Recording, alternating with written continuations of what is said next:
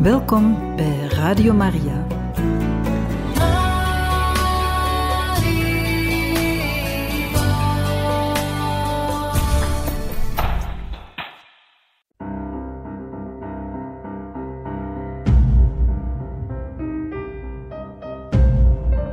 Het woord spreekt.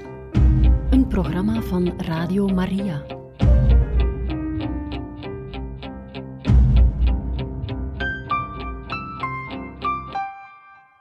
Beste luisteraars, welkom bij het woord spreekt. We lezen verder in onze lezing van de handelingen van de apostelen, vanaf hoofdstuk 11, vers 19. Zij die sinds de noodtoestand na Stefanus dood verspreid waren geraakt, trokken verder tot Fenicië, Cyprus en Antiochië, terwijl zij aan niemand het woord verkondigden dan alleen aan de Joden. Maar er waren ook mensen uit Cyprus en Cyrene bij, die in Antiochië ook aan de Hellenisten de goede boodschap gingen verkondigen, dat Jezus de Heer is. De Heer stond hen terzijde. Een groot aantal mensen kwam tot geloof en bekeerde zich tot de Heer. Berichten over hen kwamen de gemeente in Jeruzalem ter oren en men stuurde Barnabas naar Antiochië. Toen hij daar zag hoezeer God hen begunstigde, verheugde hij zich en hij spoorde iedereen aan om met hart en ziel trouw te blijven aan de Heer. Want hij was een voortreffelijk man, vol heilige geest en geloof. Een grote groep sloot zich aan bij de Heer. Daarna vertrok hij naar Tarsus om Saulus te zoeken. Toen hij hem gevonden had, nam hij hem mee naar Antiochië. Een vol jaar lang maakten zij deel uit van de gemeente en gaven ze onderricht aan een grote groep mensen. Het was ook in Antiochië dat de leerlingen voor het eerst christenen werden genoemd.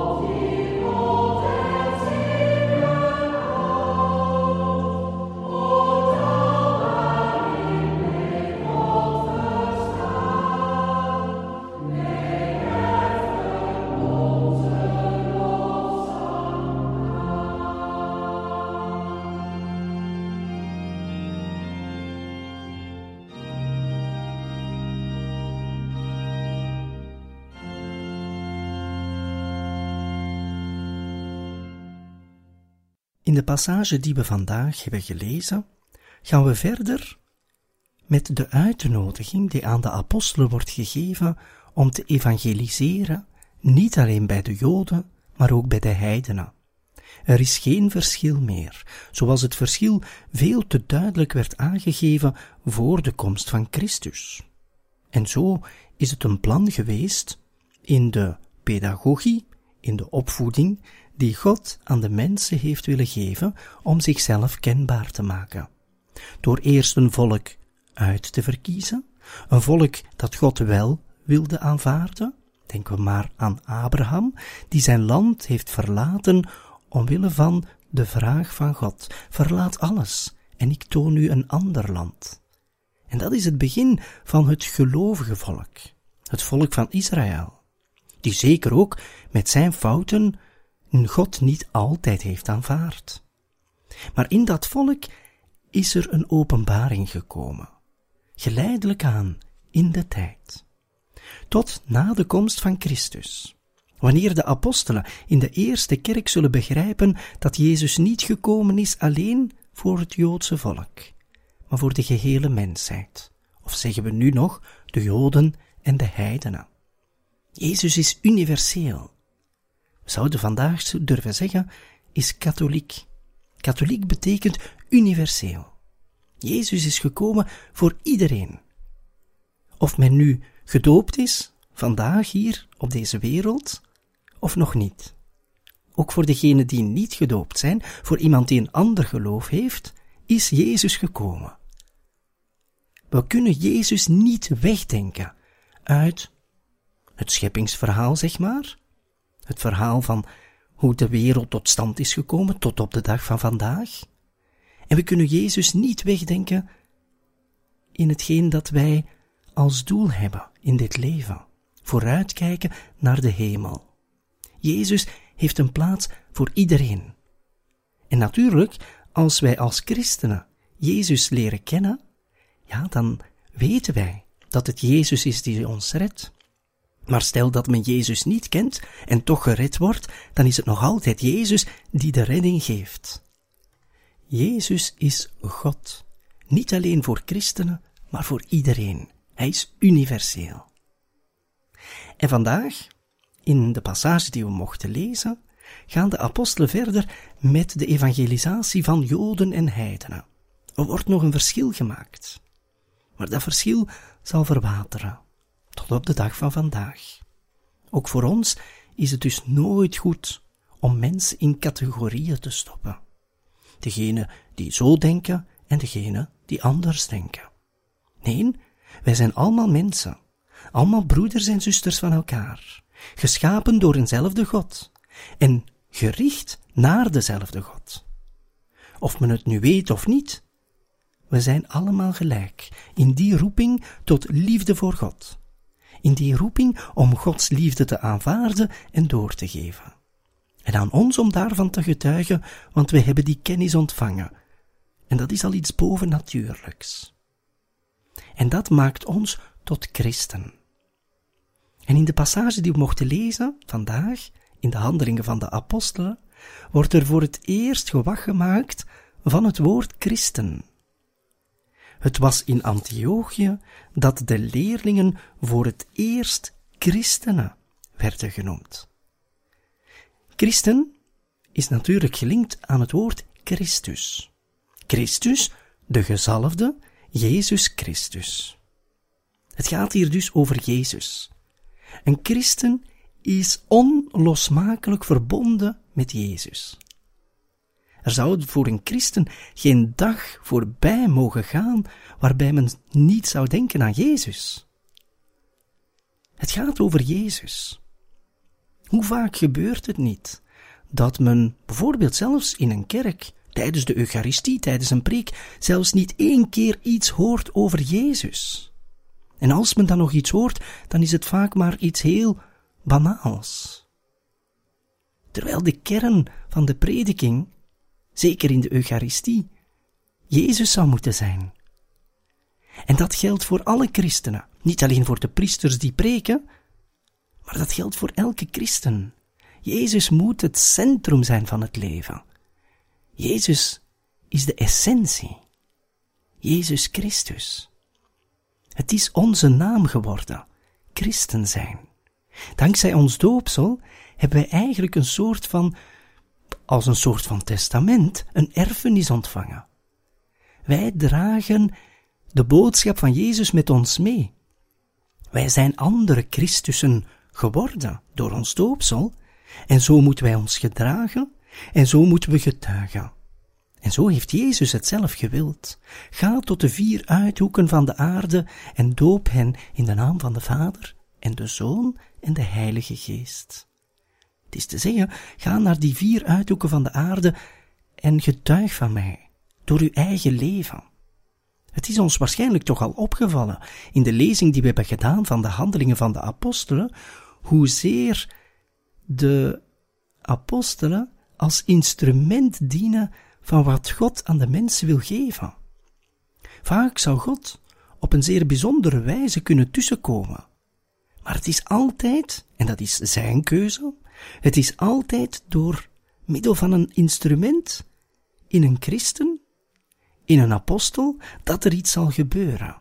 Denken we maar aan dat grote verhaal dat we in de vorige uitzendingen hebben kunnen horen over Petrus die in het huis van een heiden komt en daar getuige is van de komst van de Heilige Geest. Maar het is eigenlijk door zijn toedoen, door zijn prediking, dat dat zal gebeuren. Zo heeft God het gewild. En wij kunnen dus die naam Christen waardig dragen als wij beseffen dat wij daardoor ook instrumenten zijn in het grote heilsplan van God voor de mensheid. We spraken er straks over het woord katholiek, dat universeel betekent, dat Jezus gekomen is voor iedereen, hoe men ook mogen denken, dat Jezus wil dat iedereen gered wordt. Wel, ook met het woord christen is er iets universeel. Wij, als christen, moeten durven getuigen voor iedereen, waar ook ter wereld. Niet alleen rondom onze parochiekerk, maar overal. En dus maakt het eigenlijk niet meer uit waar onze kleine gemeenschap zich bevindt. Wij moeten ons meer voelen als behorende tot een grote gemeenschap. Veel te vaak zien we zeker in ons land een soort van concurrentie tussen verschillende kleine gemeenschappen, tussen verschillende kleine parochies. Maar in de kerk zou er geen concurrentie mogen zijn. De ene gemeenschap is geen concurrent van de andere gemeenschap. De ene pastoor is geen concurrent van de andere pastoor. Een christen heeft iets universeels met zich mee. En dat is Jezus Christus. En of men hier nu woont, in ons land, of aan de andere kant van de wereld, in Afrika, in Azië. Wel, het gaat over dezelfde Jezus. En wij mogen van Hem getuigen. En dat is niet alleen geldig in onze kleine gemeenschap waar we ons bevinden, maar dat is geldig voor in de gehele kerk. En hoe meer wij ons bewust worden van die grootsheid van de kerk, van die universaliteit, hoe meer wij de kerk zullen liefhebben. Hoe meer wij ook kunnen zeggen dat wij hier in ons land toch maar een klein deel zijn van die kerk. Maar wij behoren niet tot het kleine deel, wij behoren tot het grote geheel, tot het lichaam van Christus op een mystieke wijze dat de kerk is. En zo zullen in de handelingen van de apostelen ook de apostelen en de leerlingen geleidelijk aan, met de tijd, meer en meer beseffen tot wat zij behoren, tot de kerk, maar die groter is dan dat men hier zou kunnen denken. En door die naam christenen, die zij voor het eerst nu ontvangen, in het midden van dit mooie boek van de handelingen van de apostelen, zullen zij tot besef komen dat zij net de getuigen zijn van Jezus Christus. In deze wereld, vandaag op deze aarde. Laten wij ook dat besef ontvangen. Want wij zijn getuigen als christen van Jezus Christus, de God die mens is geworden, de Emmanuel, de God met ons, diegene die gestorven is en verrezen op de derde dag. En zo, beste luisteraars, hebben wij vandaag gelezen in de Handelingen van de Apostelen, hoofdstuk 11, versen 19 tot en met 26.